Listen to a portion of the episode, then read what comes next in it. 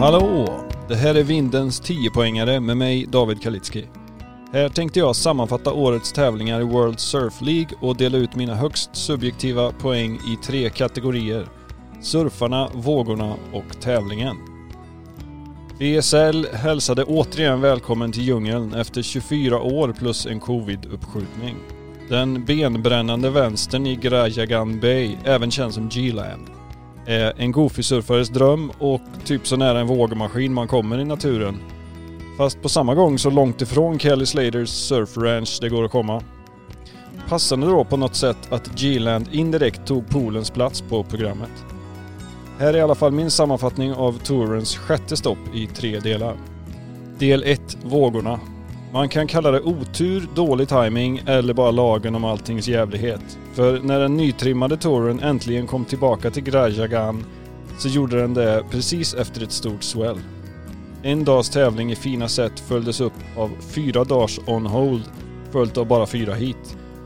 Och sen någon slags uppumpad retro-uppvisning i långt ifrån pumpande vågor. Alltså vågorna hade ju absolut varit en åtta eller nia vart som helst annars och det blev lite bättre när finalen närmade sig. Men med tanke på potentialen i den här pointen och att antalet tuber nästan gick att räkna på ena handen så blir betyget bara en femma. Del 2, surfarna. Grajagan var tillbaka och så var även Gabriel. Kul, spännande, nu blir det action. Han droppar in, han siktar långt fram, han pumpar och pumpar och pumpar och pumpar och pumpar. Ja, ni fattar. Den hägrande hopprampen visade sig tydligen aldrig och om bortslösad vägg var ett brott så hade Medina i alla fall fått lite dagsböter. Men efter detta antiklimax hittade den trippla världsmästaren maxväxeln efter vilodagarna och tog sig sedan obehindrat ända till semifinal. Damsidans comeback stod Sally Fitz för. Hon var tillbaka utan egentligen ha varit borta tack vare ett wildcard och tog väl tillvara på bonuschansen. Med det mindre startfältet känns nu alla damhit helt öppna och jämna. Inga namn känns överflödiga och alla skulle kunna stå som slutsegrare i varje tävling. Topp 5 lär ju inte sättas förrän efter Tahiti. Ja, förutom att Carissa Moore garanterat är där uppe i topp då. Kanske är 10 surfare allt som behövs. Surfarna totalt får i alla fall en stabil 7 av 10 den här gången. Del 3, tävlingen. Startfältet var kapat och det mesta av fluffet var borta. Med överlappande hit och färre surfare var det lite ovant att hänga med i det högre tävlingstempot.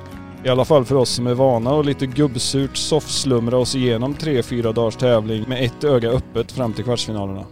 Men med allt detta sagt, särskilt spännande eller sinnessprängande blev det ändå aldrig den här gången. Med undantag för när Jack Attack, vem annars, hittade en tub på slutsignalen i semifinalen om man hade Excellent Heat-filtret aktiverat i VSL-spelaren, alltså de heat där minst en surfare fick minst 16 av 20 poäng, återstod bara The Moore Show i första rundan och kvartsfinalen mellan Jadson Andre och Medina. Det säger kanske en del om kvaliteten på vågorna, men kanske också en del om hur svårt det egentligen är att hitta två kanonvågor på bara en halvtimme. Även om man är proffs och bäst i världen. Själv snittar jag ungefär två kanonvågor på två år. Herrarnas final kändes som en försmak av vad vi kommer se i sista heatet på Lower Trestles i september. Jack Robinson väntade ännu en gång ända till slutsignalen innan han levererade sin attack. Men där blev han väl kanske lite kraftigt belönad av domarna va? Tre identiska svängar i rad gav 7,0 i betyg på Robinsons andra raka seger. Filip Toledo reser dock västerut fortsatt i den gula ledartröjan. Att skilja de här två surfarna åt kommer nog bli svårare än att stava till Matthew McGillivray Johan DeFay, uppväxt på reven vid Reunion, verkade känna sig som hemma även på reven på andra sidan Indiska oceanen. Efter en liten omväg via förlorarrundan var det raka spåret till final där Carissa Moore, som på vägen dit kändes helt oslagbar, blev en lätt match för Defeat, äh, förlåt, DeFay. Lite högt och lågt i tävlingen som helhet, men mest kanske lite mittemellan, så betyget blir en sval sexa. Och avslutningsvis ett frågetecken. Kan El Salvadors debut på touren helt oväntat bli det bästa stoppet hittills? Punta Rocca är enligt legendaren Luke Egan like Jeffers Bay in board shorts och ett fint swell vandrar sakta men säkert in lagom till att vänteperioden öppnar. Kul! Eller för att citera världens bästa vattenkommentator Strider Versalewski. Bango! Okej, okay, det här var allt för den här gången. Vi hörs snart igen med förhoppningsvis nya 10-poängare.